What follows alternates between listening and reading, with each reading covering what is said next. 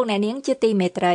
តទៅទៀតនេះជាកម្មវិធី Hello VOA ប្រចាំខែស្ដីអំពីស្ត្រីនិងភាពជាអ្នកដឹកនាំនៅរាត្រីនេះយើងខ្ញុំអញ្ជើញអ្នកស្រីសូភីណាដែលជាអ្នកនិពន្ធអ្នកបោះពុំអ្នកគ្រប់គ្រងកម្មវិធីចំណេះដឹងបណ្ដាញនិងគោលនយោបាយនៃអង្គការសិល្បៈខ្មែរអមតៈជាវាគ្មិនអ្នកស្រីនឹងពិភាក្សាប្រធានបទអំពីការប្រឈមរបស់ស្ត្រីក្នុងភាពជាអ្នកដឹកនាំក្នុងវិស័យសិល្បៈចាប្រិយមិត្តជាទីមេត្រី ដើម្បីការពារការឆ្លងរាលដាលនៃជំងឺ Covid-19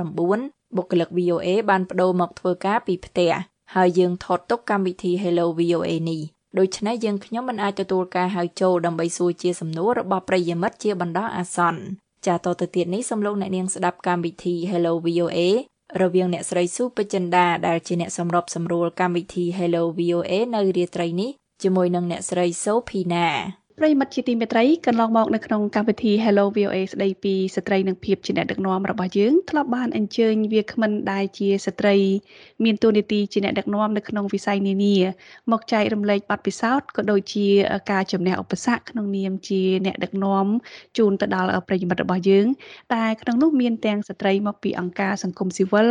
ដែលជាសកម្មជនធ្វើការលើកកម្ពស់សិទ្ធិមនុស្សសមភាព gender ស្ត្រីមកពីវិស័យឯកជននិងបច្ចេកវិទ្យាជាដើម ហើយដែលឡែកសម្រាប់រាត្រីនេះប្រិយមិត្តនឹងបានស្ដាប់អំពីបទពិសោធន៍ក្នុងនាមជាអ្នកដឹកនាំនៅក្នុងវិស័យសិល្បៈវិញម្ដងតើការប្រឈមរបស់ស្ត្រីនៅក្នុងការលើកកម្ពស់ផ្នែកសិល្បៈនិងវប្បធម៌នេះត្រូវប្រឈមនឹងឧបសគ្គអ្វីខ្លះ ហើយធ្វើម៉េចដើម្បីយកឈ្នះរបាំងទាំងនោះបានចាដូច្នេះសូមប្រិយមិត្តស្ដាប់ការរៀបរាប់របស់អ្នកស្រីសូភីណា ដែលអ្នកស្រីជាអ្នកនិពន្ធនិងជាអ្នកបោះពុំក៏ដូចជាជាអ្នកគ្រប់គ្រងកម្មវិធីចំណេះដឹងបណ្ដាញនិងគោលនយោបាយនៃអង្គការសិល្បៈខ្មែរអមតៈចាសសូមជម្រាបសួរអ្នកស្រីសូភីណាចាសសូមជម្រាបសួរចា ចាជាដំបូងនេះខ្ញុំអរគុណដល់អ្នកស្រីដែលបានឆ្លៀតពេលវេលាចូលរួមធ្វើជាវាគ្មិននៅក្នុងកម្មវិធី Hello VOA ស្ដីពីស្ត្រីនិងភាពជាអ្នកដឹកនាំរបស់យើងនៅរាត្រីនេះចាសូមឲ្យអ្នកស្រីសូភីណាជួយណែនាំខ្លួនបន្តិចបន្ថែមទៀតជូនទៅដល់ប្រិយមិត្តជាពិសេសគឺអំពីប្រវត្តិការងាររបស់អ្នកស្រីតែម្ដងចា ចាសូមអរគុណច្រើនជាកិត្តិយសដែលខ្ញុំបានចូលរួមចំណែកនៅក្នុងកិច្ចសន្ទនានិយាយអំពីភាពជាអ្នកដឹកនាំរបស់ស្ត្រី ហើយជាពិសេសនៅក្នុងវិស័យសិល្បៈដែលខ្ញុំកំពុងធ្វើការផ្ទាល់អឺខ្ញុំជាអ្នកនិពន្ធផង ជាអ្នកបោះពុម្ពផង ហើយជាស្ថាបនិកនៅអឺ បណ្ដាញអ្នកនិពន្ធដូចជាយើងហៅថាស្លាបកាខ្មែរដែលជាបណ្ដាញអ្នកនិពន្ធតូចមួយក្រុមដែលយើងរៀបចំកម្មវិធីអាននឹងលើកទឹកចិត្តដល់ការនិពន្ធបែបច្នៃប្រឌិត ហើយយើងរៀបចំកម្មវិធីអានប្រចាំខែដើម្បីលើកទឹកចិត្តឲ្យអ្នកនិពន្ធខ្មែរមានឱកាសហើយអាចបញ្ចេញនៅសមត្ថភាពរបស់ពួកគេអឺ មួយទៀតខ្ញុំជាស្ថាបនិកគ្រឹះស្ថានបោះពុម្ពផ្សាយកម្ពុជាមេរ៉ាដែលជាគ្រឹះស្ថានមួយអឺដែលយើងមានគោលបំណងបោះពុម្ពនៅអសរសិល្ប៍ល្អល្អទាំងអសរសិល្ប៍ខ្មែរទាំងអសរសិល្ប៍បរទេសហើយបកប្រែមកជាភាសាខ្មែរដើម្បីជូនអ្នកអានកម្ពុជាបានអានកំសាន្តអឺហើយខ្ញុំក៏ជាស្ថាបនិកនៅអឺមហោស្រពអសរសិល្ប៍ខ្មែរដែរចាហើយអឺ ខ្ញុំធ្វើការពេញម៉ោងនៅអង្គការសិល្បៈខ្មែរមតៈដោយគ្រប់គ្រងកម្មវិធីមួយដែលមានឈ្មោះថាចំណេះដឹងបណ្ដាញនិងគោលនយោបាយដែលជាកម្មវិធីមួយយើងធ្វើការជាមួយអ្នកដឹកនាំនៅក្នុងវិស័យសិល្បៈនិងវប្បធម៌ដើម្បីកសាងសមត្ថភាពនិងជួយឲ្យពួកគាត់មានបណ្ដាញជាដៃគូនៅក្នុងវិស័យសិល្បៈទាំងនៅកម្ពុជាទាំងនៅក្នុងថ្នាក់តំបន់មេគង្គចា៎ ចាសសូមអរគុណដល់អ្នកស្រីសូភីណាដែលបានរៀបរាប់ត្រួសត្រាសអំពីទូនីតិរបស់អ្នកស្រីក៏ដូចជាការចូលរួមចែករំលែកចំណេះដឹងរបស់អ្នកស្រីទៅដល់សង្គមតាចាតើធ្វើម៉េចទៅអ្នកស្រីអាចឈានមកដល់កាន់ទូនីតិជាអ្នកដឹកនាំម្នាក់ដោយសពថ្ងៃនេះចាមើលទៅមានកលឹះឬក៏តិចនិចក្នុងការរៀបចំខ្លួនយ៉ាងដូចម្ដេចដែរចាចាចាអឺបើនិយាយអំពីដំណើររឿងខ្ញុំគិតថា អឺនិយាយទៅដោយដោយសារដោយដោយខ្លួនឯងផងយល់ឃើញអំពីស្ថានភាពនិងតម្រូវការរបស់សង្គមអញ្ចឹងណាចូលអំពីកន្លងមកខ្ញុំធ្វើការនៅអង្គការអន្តរជាតិមួយ អង្គការអភិវឌ្ឍអន្តរជាតិមួយក្រោយមកទៀតខ្ញុំក៏បានទៅសិក្សាយកថ្នាក់អនុបណ្ឌិតនៅប្រទេសអូស្ត្រាលីរៀនខាងផ្នែកសង្គមគិច្ចនៅពេលហ្នឹងឯងដែលខ្ញុំចាប់ផ្ដើម ដឹងថាខ្លួនឯងមានសមត្ថភាពខ្លួនឯងមានសក្តានុពលនៅក្នុងការធ្វើការងារអីឲ្យបានសម្រេចអ្វីមួយអញ្ចឹងទោះបីជាខ្ញុំគិតថា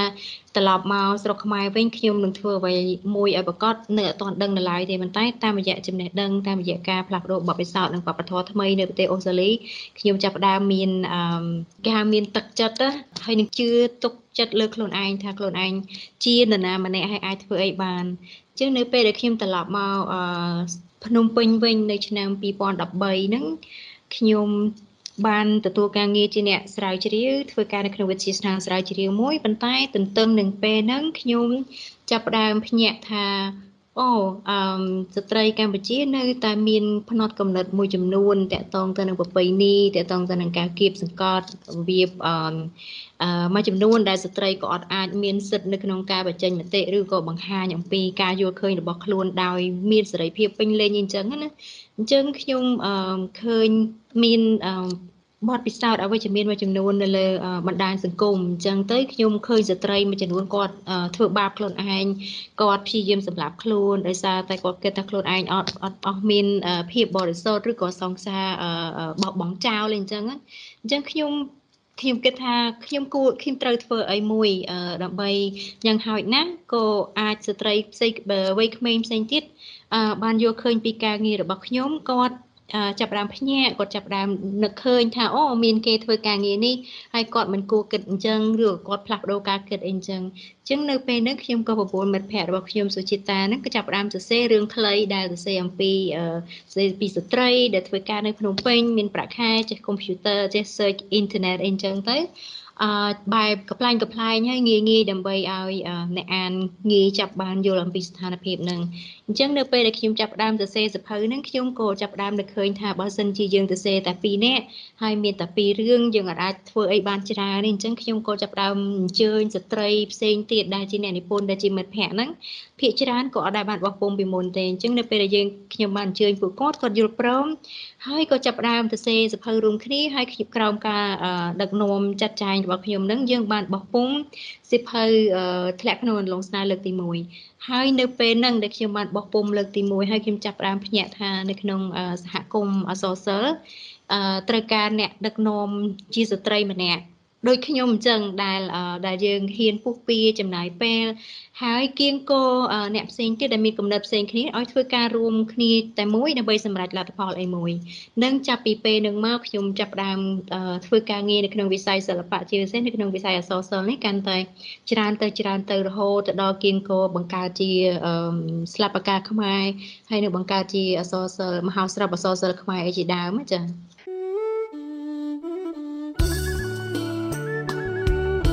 លោកអ្នកនាងកំពុងតែស្ដាប់ការផ្សាយរបស់ VOA សម្លេងសាររដ្ឋអាមេរិកពីរដ្ឋធានី Washington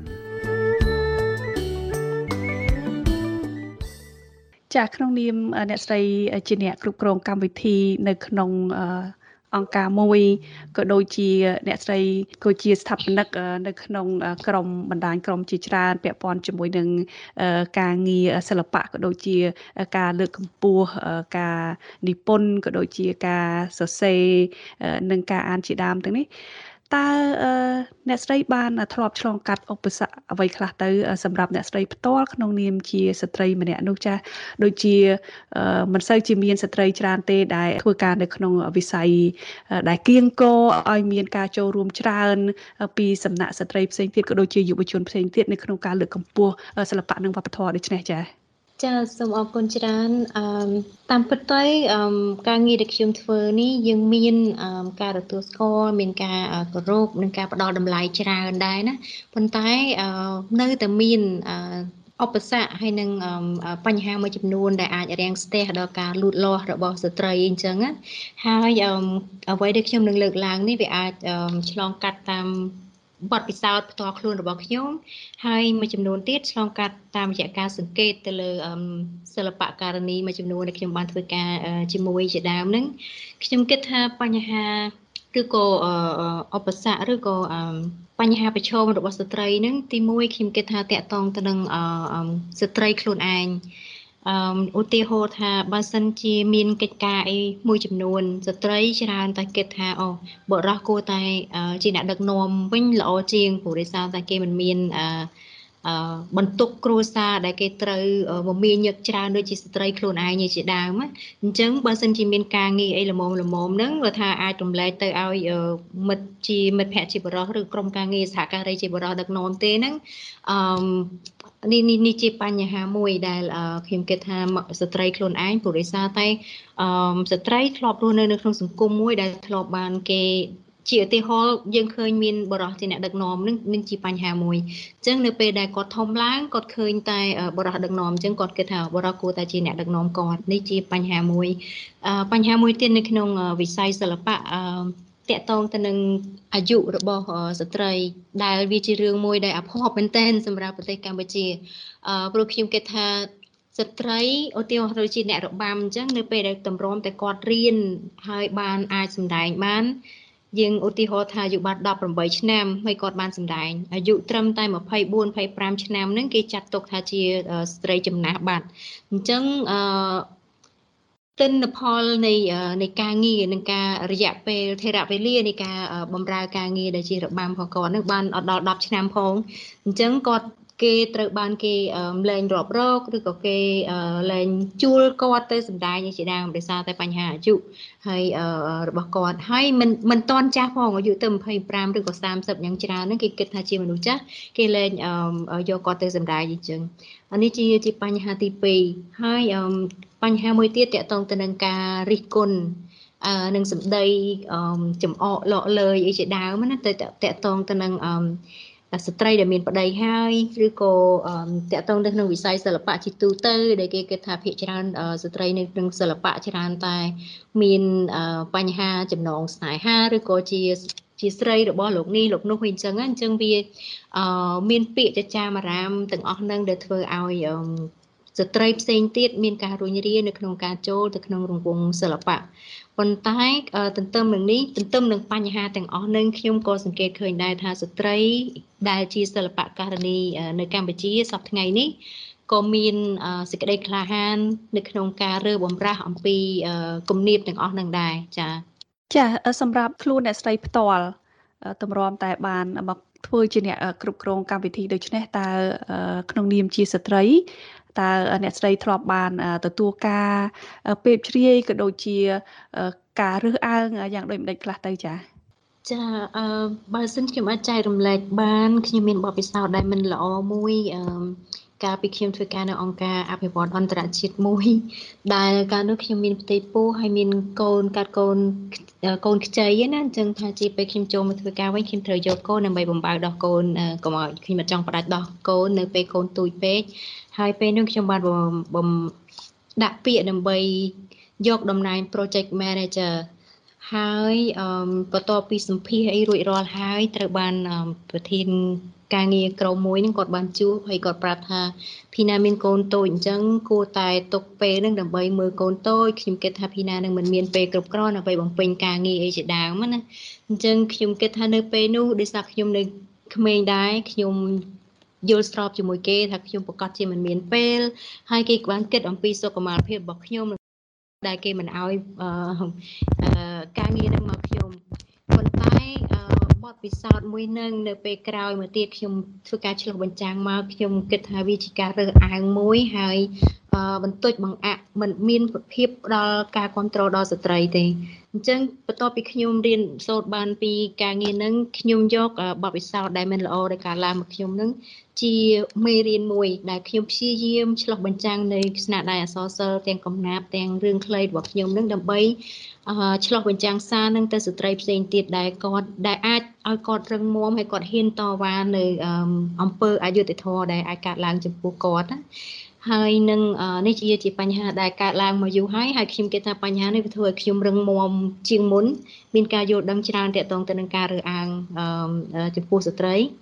ហើយនៅនៅពេលដែលខ្ញុំចាប់ផ្ដើមសរសេរធម្មតាយើងសរសេរសភៅប្រឡោមលោកហើយប្រឡោមលោកខ្លះវាពាក់ព័ន្ធទៅនឹងមនោសញ្ចេតនាធម្មតាយើងអ្នកនិពន្ធយើងត្រូវតែដាក់មនោសញ្ចេតនាហើយយើងសរសេរដើម្បីឲ្យអ្នកអាននឹងគាត់យល់គាត់បានសម័យទៅដល់តួអង្គនឹងអញ្ចឹងមានមិត្តភ័ក្តិជាបរិសមួយចំនួននៅពេលដែលខ្ញុំសរសេរគេបានអានទៅគេចាប់ផ្ដើមសួរថាអូ អឺតើអឺប្តីបងឯងមានរោមដៃអញ្ចឹងដែរមែនឬក៏ខ្លួនឯងមានប្តីហើយហេតុអីបើសេរឿងស្នេហាអីអញ្ចឹងរឿងមនោសញ្ចេតនាអីអញ្ចឹងវាវាអត់សមទេអីអញ្ចឹងប៉ុន្តែអឺពាក្យអឺទាំងអស់ហ្នឹងខ្ញុំគិតថាពេលខ្លះវាធ្វើឲ្យយើងអន់ចិត្តប៉ុន្តែអឺខ្ញុំគិតថាអ្នកដែលយល់ ហើយនឹងអ្នកផ្ដល់គុណតម្លៃអសរសិលគេមិនយល់ឃើញបែបហ្នឹងទេអញ្ចឹងខ្ញុំគិតថាធម្មតាការរិះគន់មកលើអ្នកដែលធ្វើការក្នុងវិស័យសិល្បៈឬក៏វិស័យផ្សេងទៀតខ្ញុំគិតថា យើងអាចទប់ស្កាត់បានទេប៉ុន្តែក្នុងភាពជាអ្នកដឹកនាំហើយក្នុងភាពជាអ្នកជាសិល្បករមួយរូបយើងទទួលនៅមតិទាំងអស់ហ្នឹងប៉ុន្តែយើងរក្សានៅតុល្យភាពមួយរវាងផ្លូវចិត្តរវាងភាពជាអាជីពហើយនិងភាពជាអ្នកដឹកនាំរបស់យើងដើម្បីយើងអាចទប់ទល់ហើយយើងអាចរក្សានៅភាពខ្លាំងហើយអាចតស៊ូបាននិងនឹងធ្វើការនៅធ្វើការបន្តទៀតនៅក្នុងវិស័យហ្នឹងចា៎ចាកលេចទៅ អ្វីដែលអ្នកស្រីសូភីណាទើបតែរៀបរាប់បាញ់មិញពាក់ព័ន្ធជាមួយនឹងថាមិនសូវជាមានសិល្បៈការនីឬក៏ដូចជាស្ត្រីច្រើនទេដែលគាត់ហ៊ាន តាំងចិត្តឬក៏ដូចគាត់ហ៊ានសម្រាប់ចិត្តឈានជើងចូលទៅក្នុង ការងារជាអ្នកដឹកនាំនៅក្នុងវិស័យសិល្បៈមួយនេះដោយសារតែគាត់មិនសូវមានភាពជឿជាក់គាត់ចាត់ទុកថាការងារការដឹកនាំហ្នឹងបើបរោះវិញគឺបានដឹកនាំបានល្អជាងស្ត្រីអីអញ្ចឹងតើអ្វីទៅដែលជាកត្តា ដែលជារបាំងជាក់ស្ដែងដែលដែលរារាំងធ្វើមិនឲ្យស្ត្រីរបស់យើងនឹងមានទំនុកចិត្តក្នុងខ្លួនដើម្បីទៅកាន់ការងារនេះបានចា៎ចាអឺកន្លែងនេះខ្ញុំគិតថាអាចមានកត្តាមួយចំនួនហើយខ្ញុំព្យាយាមរនឹកអឺទី1ខ្ញុំគិតថាតកតងទៅនឹងការអប់រំហើយនឹងការអឺចង់និយាយថានៅនៅក្នុងគ្រួសារដែលអឺដែលជាថ្នាលបដិបដាលមួយ ខ្ញុំគិតថាកត្តាទាំងអស់នឹងដែលធ្វើឲ្យស្ត្រីមួយចំនួននៅតែមើលឃើញថាខ្លួនគាត់មិនមែនជាអ្នកដឹកនាំហើយតកតងនឹងការអប់រំឧទាហរណ៍ថា នៅក្នុងសិភៅមេរៀននៅសាលាបឋមសិក្សាអឺបើសិនជាយើងមើលរូបភាពទាំងអស់ដែលនៅក្នុងកម្មវិធីសិក្សារបស់រដ្ឋយើងមើលឃើញថារូបភាពដែលជាឪពុកហ្នឹងគាត់ធ្វើការងារនៅខាងក្រៅផ្ទះហើយរូបភាពដែលជាម្ដាយហ្នឹង គាត់ដាំស្លគាត់មានផ្ទះមានឆាមានអីអញ្ចឹងណាអញ្ចឹងរូបភាពទាំងអស់ហ្នឹងប្រាប់ក្មេងស្រីទោះបីជាគាត់ក្មេងស្រីនឹងនឹងคล้ายទៅជាអ្នកដឹកនាំក៏ដោយប៉ុន្តែអារូបភាពទាំងអស់ហ្នឹងអាចមានបង្អាក់នៅដំណើរនៃការលូតលាស់ក្នុងភាពជាអ្នកដឹកនាំរបស់ក្មេងស្រីដែរនេះជាបញ្ហាមួយដែលខ្ញុំគិតថាតកតងទៅនឹងការអប់រំអឺនៅក្នុង កម្មវិធីសិក្សាដែលខ្ញុំគិតថាយើងគួរមានការកែលម្អអឺមួយទៀតខ្ញុំគិតថានៅក្នុងដោយសារតែយើងខ្វះភាពជាអ្នកដឹកនាំនៅក្នុងស្ត្រីនៅច្រើនស្ថាប័នរួចហើយអញ្ចឹងកាលណាដែលស្ត្រីចូលទៅធ្វើការនៅកន្លែងណាមួយដែលខ្វះស្ត្រីម្នាក់ឬក៏ពីរនាក់ដែលមានភាពជាអ្នកដឹកនាំហើយអឺយល់ឃើញថាស្ត្រីត្រូវមានតលយៈភាពមានសបភាពនៅក្នុងកន្លែងការងារជាដើមហ្នឹង ស្ត្រីនឹងនឹងនឹងមានការយឺតយ៉ាវនៅក្នុងការភ្ញាក់ខ្លួនថាខ្លួនឯងអាចជាអ្នកដឹកនាំបានយឺតជាងអ្នកដែលជាស្ត្រី ដែលធ្វើការហើយមានស្ត្រីផ្សេងទៀតដែលមានភាពជាអ្នកដឹកនាំនឹងហើយជាយើងហៅថាជា mentor គាត់ជាជាអ្នកដែលភ្ជង់ផ្ដើមឬក៏ជួយតម្រែតម្រង់ផ្លូវជួយជាយោបល់ឯជាដើមនឹងជាខ្ញុំគិតថាវាជាកត្តាទី2ដែល វាវាអាចជាឱកាសផងវាអាចជាឧបសគ្គផង The Voice of America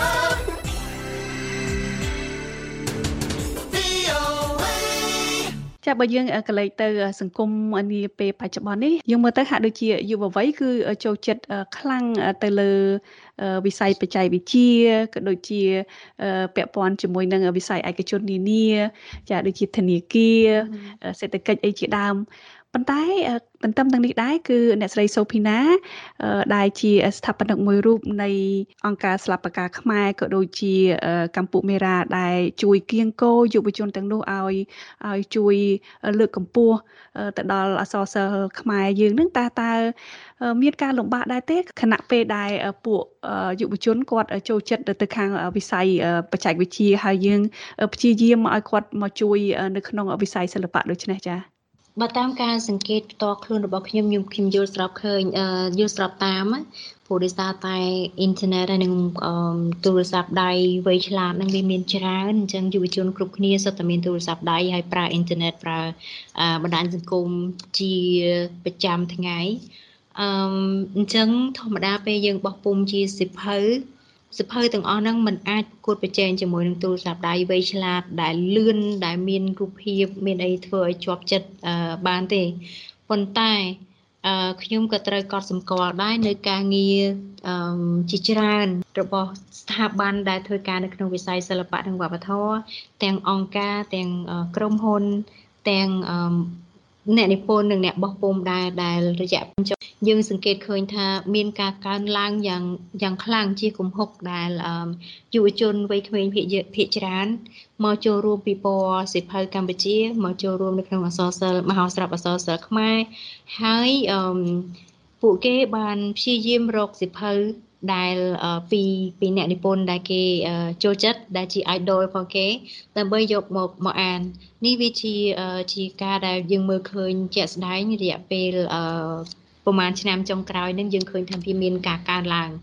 អឺប៉ុន្តែទន្ទឹមនឹងខ្ញុំក៏នៅតែគិតថាទូរស័ព្ទដៃហើយទូរស័ព្ទវានៅតែមិនឈ្នះទូរស័ព្ទដៃប៉ុន្តែខ្ញុំគិតថា នៃយុវជនកម្ពុជាជាពិសេសនៅភ្នំពេញព្រោះដោយសារតែអឺស្នាដៃអសរសិល្ប៍អីភាគច្រើនកើតឡើងនៅក្នុងទីក្រុងភ្នំពេញណាដែលនាំគ្នាទៅជាអ្នកស្ម័គ្រចិត្តជាអ្នកដែលទៅទិញសភៅចូលរួមធ្វើការងារនៅក្នុងសភៅនៅនៅដែលខ្ញុំបានឃើញកន្លងមកអញ្ចឹងខ្ញុំឃើញថាសញ្ញានេះសញ្ញាវិជ្ជមាន ដែលយើងគួរកត់សម្គាល់ហើយមានមោទនភាពអឺប៉ុន្តែខ្ញុំគិតថាយុវជននៅអឺ នៅមានមួយជំហានទៀតនៅពេលដែលគាត់បានគិតឬក៏សម្រួចនឹងសម្រាំងនៅស្នាដៃអសរសិល្ប៍ដែលគាត់គួរអាន ជាជាងអានគ្រប់សៀវភៅទាំងអស់ដែលដែលដែលគាត់ដែលដែលគាត់គួរតែជ្រើសរើសនឹងក្នុងការអានសិនអញ្ចឹងអានេះជាយោបល់របស់ខ្ញុំចា៎នេះគឺជាអ្វីដែលអ្នកស្រីសូភីណាក៏ដូចជា ក្រុមអ្នកដែលចូលចិត្តស្រឡាញ់សិល្បៈក៏ដូចជាធ្វើការលើកកម្ពស់វិស័យសិល្បៈវប្បធម៌បានចូលរួមចំណែកក៏ដូចជាស្ថាប័នពាក់ព័ន្ធចូលរួមចំណែកនៅក្នុងការលើកកម្ពស់វិស័យសិល្បៈក៏ដូចជាវប្បធម៌និងបញ្ជ្រាបចំណេះដឹងទៅដល់យុវជនដើម្បីឲ្យយុវជន មានទឹកចិត្តស្រឡាញ់ក៏ដូចជាជួយលើកកម្ពស់វិស័យអក្សរសិល្ប៍ខ្មែរនៅក្នុងប្រទេសកម្ពុជាចាដោយអ្នកស្រីសុភីណាទើបតែលើកឡើងបាញ់មិញគឺជាផលិតផលវិជ្ជមានមួយដែលយើងបានទទួលចាជាចុងក្រោយដោយសារតែយើងអស់ពេលទៅហើយនាងខ្ញុំសូមឲ្យអ្នកស្រីសូភីណាជួយផ្ដាំផ្ញើជាពាក្យពេចន៍ក៏ដូចជា ជាអ្វីដែលអ្នកស្រីសូភីណាធ្លាប់បានឆ្លងកាត់តាមរយៈបទពិសោធន៍ល្អល្អជូនទៅដល់ប្រិយមិត្តរបស់យើងជាពិសេសគឺទៅដល់ស្ត្រីដែលគាត់មានបំណងចង់ធ្វើការនៅក្នុងវិស័យ ភាពជាអ្នកដឹកនាំនេះតើតើគាត់គួរតែរៀបចំខ្លួនយ៉ាងដូចម្ដេចខ្លះហើយតើអ្វីដែលគាត់នឹងប្រឈមនឹងតើនឹងមានអ្វីកើតឡើងខ្លះដើម្បីដើម្បីកុំឲ្យគាត់មានការភ្ញាក់ផ្អើលនៅពេលដែលគាត់ឈានជើងចូលទៅក្នុងវិស័យមួយនេះចា៎ចាអរគុណច្រើនខ្ញុំខ្ញុំគិតថាមានស្ថាប័នមាន កន្លែងជាច្រើនដែលគួររួមគ្នាធ្វើការដើម្បីផ្ដល់ឱកាសនឹងដល់ស្ត្រីឬក៏ដល់ក្មេងស្រីដើម្បីឲ្យគាត់អាចមានភាពជាអ្នកដឹកនាំហើយក្លាយទៅជាអ្នកដឹកនាំម្នាក់ដែលដែលជាអ្នកបម្រើជាអ្នកជាអ្នកបម្រើធ្វើការដើម្បីផលប្រយោជន៍និងការផ្លាស់ប្ដូរបែបវិជ្ជមានមួយសម្រាប់សង្គមណាអឺប៉ុន្តែមុននឹងចូលដល់អ្វីដែលខ្ញុំគិតថាជាកត្តាសំខាន់សំខាន់ឬក៏ជាបណ្ដាំផ្ញើនេះខ្ញុំគិតថាខ្ញុំគួរតែ ផ្ញើជាសារដល់អ្នកអានឬក៏យុវជនទាំងអស់ថាការលើកកម្ពស់ឲ្យមានការសិទ្ធិស្មារភាពគ្នារវាងស្ត្រីនិងបុរសឬក៏ផ្ដល់ឱកាសឲ្យក្មេងស្រីដើម្បីមានភាពជាអ្នកដឹកនាំមិនមែនមានន័យថាទាញឲ្យបរោះឲ្យធ្លាក់ឬក៏ឲ្យទៀបឲ្យអន់មិនមែនទេព្រោះដោយសារតែយើងព្យាយាមនេះគឺជួយដើម្បីឲ្យកូនស្រីយើងដើម្បីឲ្យបងស្រីដើម្បីឲ្យប្អូនស្រីឬក៏ក្មួយស្រីដើម្បីឲ្យគាត់មានឱកាសស្មើទៅនឹងអឺ gender នៅក្នុងសង្គមស្មើគ្នាតែប៉ុណ្ណឹងអឺអញ្ចឹងខ្ញុំគិតថានៅក្នុងគ្រួសារខ្ញុំគិតថាឪពុកម្ដាយនឹងគួរផ្ដល់ឱកាសដល់កូនស្រីហើយនិងកូនប្រុសឲ្យបានស្មើគ្នាអឺអ្វីដែលខ្ញុំបានកត់សម្គាល់នៅក្នុងគ្រួសារដែលខ្ញុំបានធ្លាប់ឃើញជុំវិញខ្លួននឹងបើថាកូនប្រុសគាត់ទៅណាក៏គាត់អត់សូវបារម្ភដែរជួនកាលស្ដីឲ្យតិចតួចអីចឹងទៅប៉ុន្តែបើថាក្មេងស្រីគឺមិនឲ្យទៅតែម្ដងខ្លាចកូនទៅអញ្ចេះខូចអញ្ចេះ ឬក៏លេងលបាយនេះខ្លាចប៉ះពាល់ដល់អញ្ចេះអីចឹងអញ្ចឹងការរាំងស្ទះការទប់ស្កាត់អីហ្នឹងវាមានទៅលើក្មេងស្រីច្រើនជាងលើក្មេងប្រុសពីថ្នាក់តូចរហូតទៅដល់ខ្លួនធំពេញវ័យក៏នៅតែមានគំនាបពីគ្រួសារអញ្ចឹងនៅក្នុងគ្រួសារខ្ញុំគិតថាគួរតែផ្ដល់ឱកាសហើយដកស្មើគ្នាដល់កូនប្រុសហើយនិងកូនស្រីដើម្បីឲ្យគាត់មានឱកាសលូតលាស់ដូចគ្នា ទី2ខ្ញុំគិតថា នៅស្ថាប័នឬក៏នៅអង្គការសមាគមក្រុមហ៊ុនគួរគិតគូរទៅដល់សមភាពនៅក្នុងចំនួននៃបុគ្គលិកដែរដើម្បីឲ្យមានតលយៈភាពហើយនិងសមភាព gender នៅក្នុងក្នុងអង្គការឬក៏ក្នុងស្ថាប័នរបស់គាត់ហើយនៅមានចំណុចដែលតូចតូចដែល បើសិនជាយើងមិនមានភ្នែកបែប gender ឬក៏យើងហៅថា gender lens នឹងធ្វើឲ្យ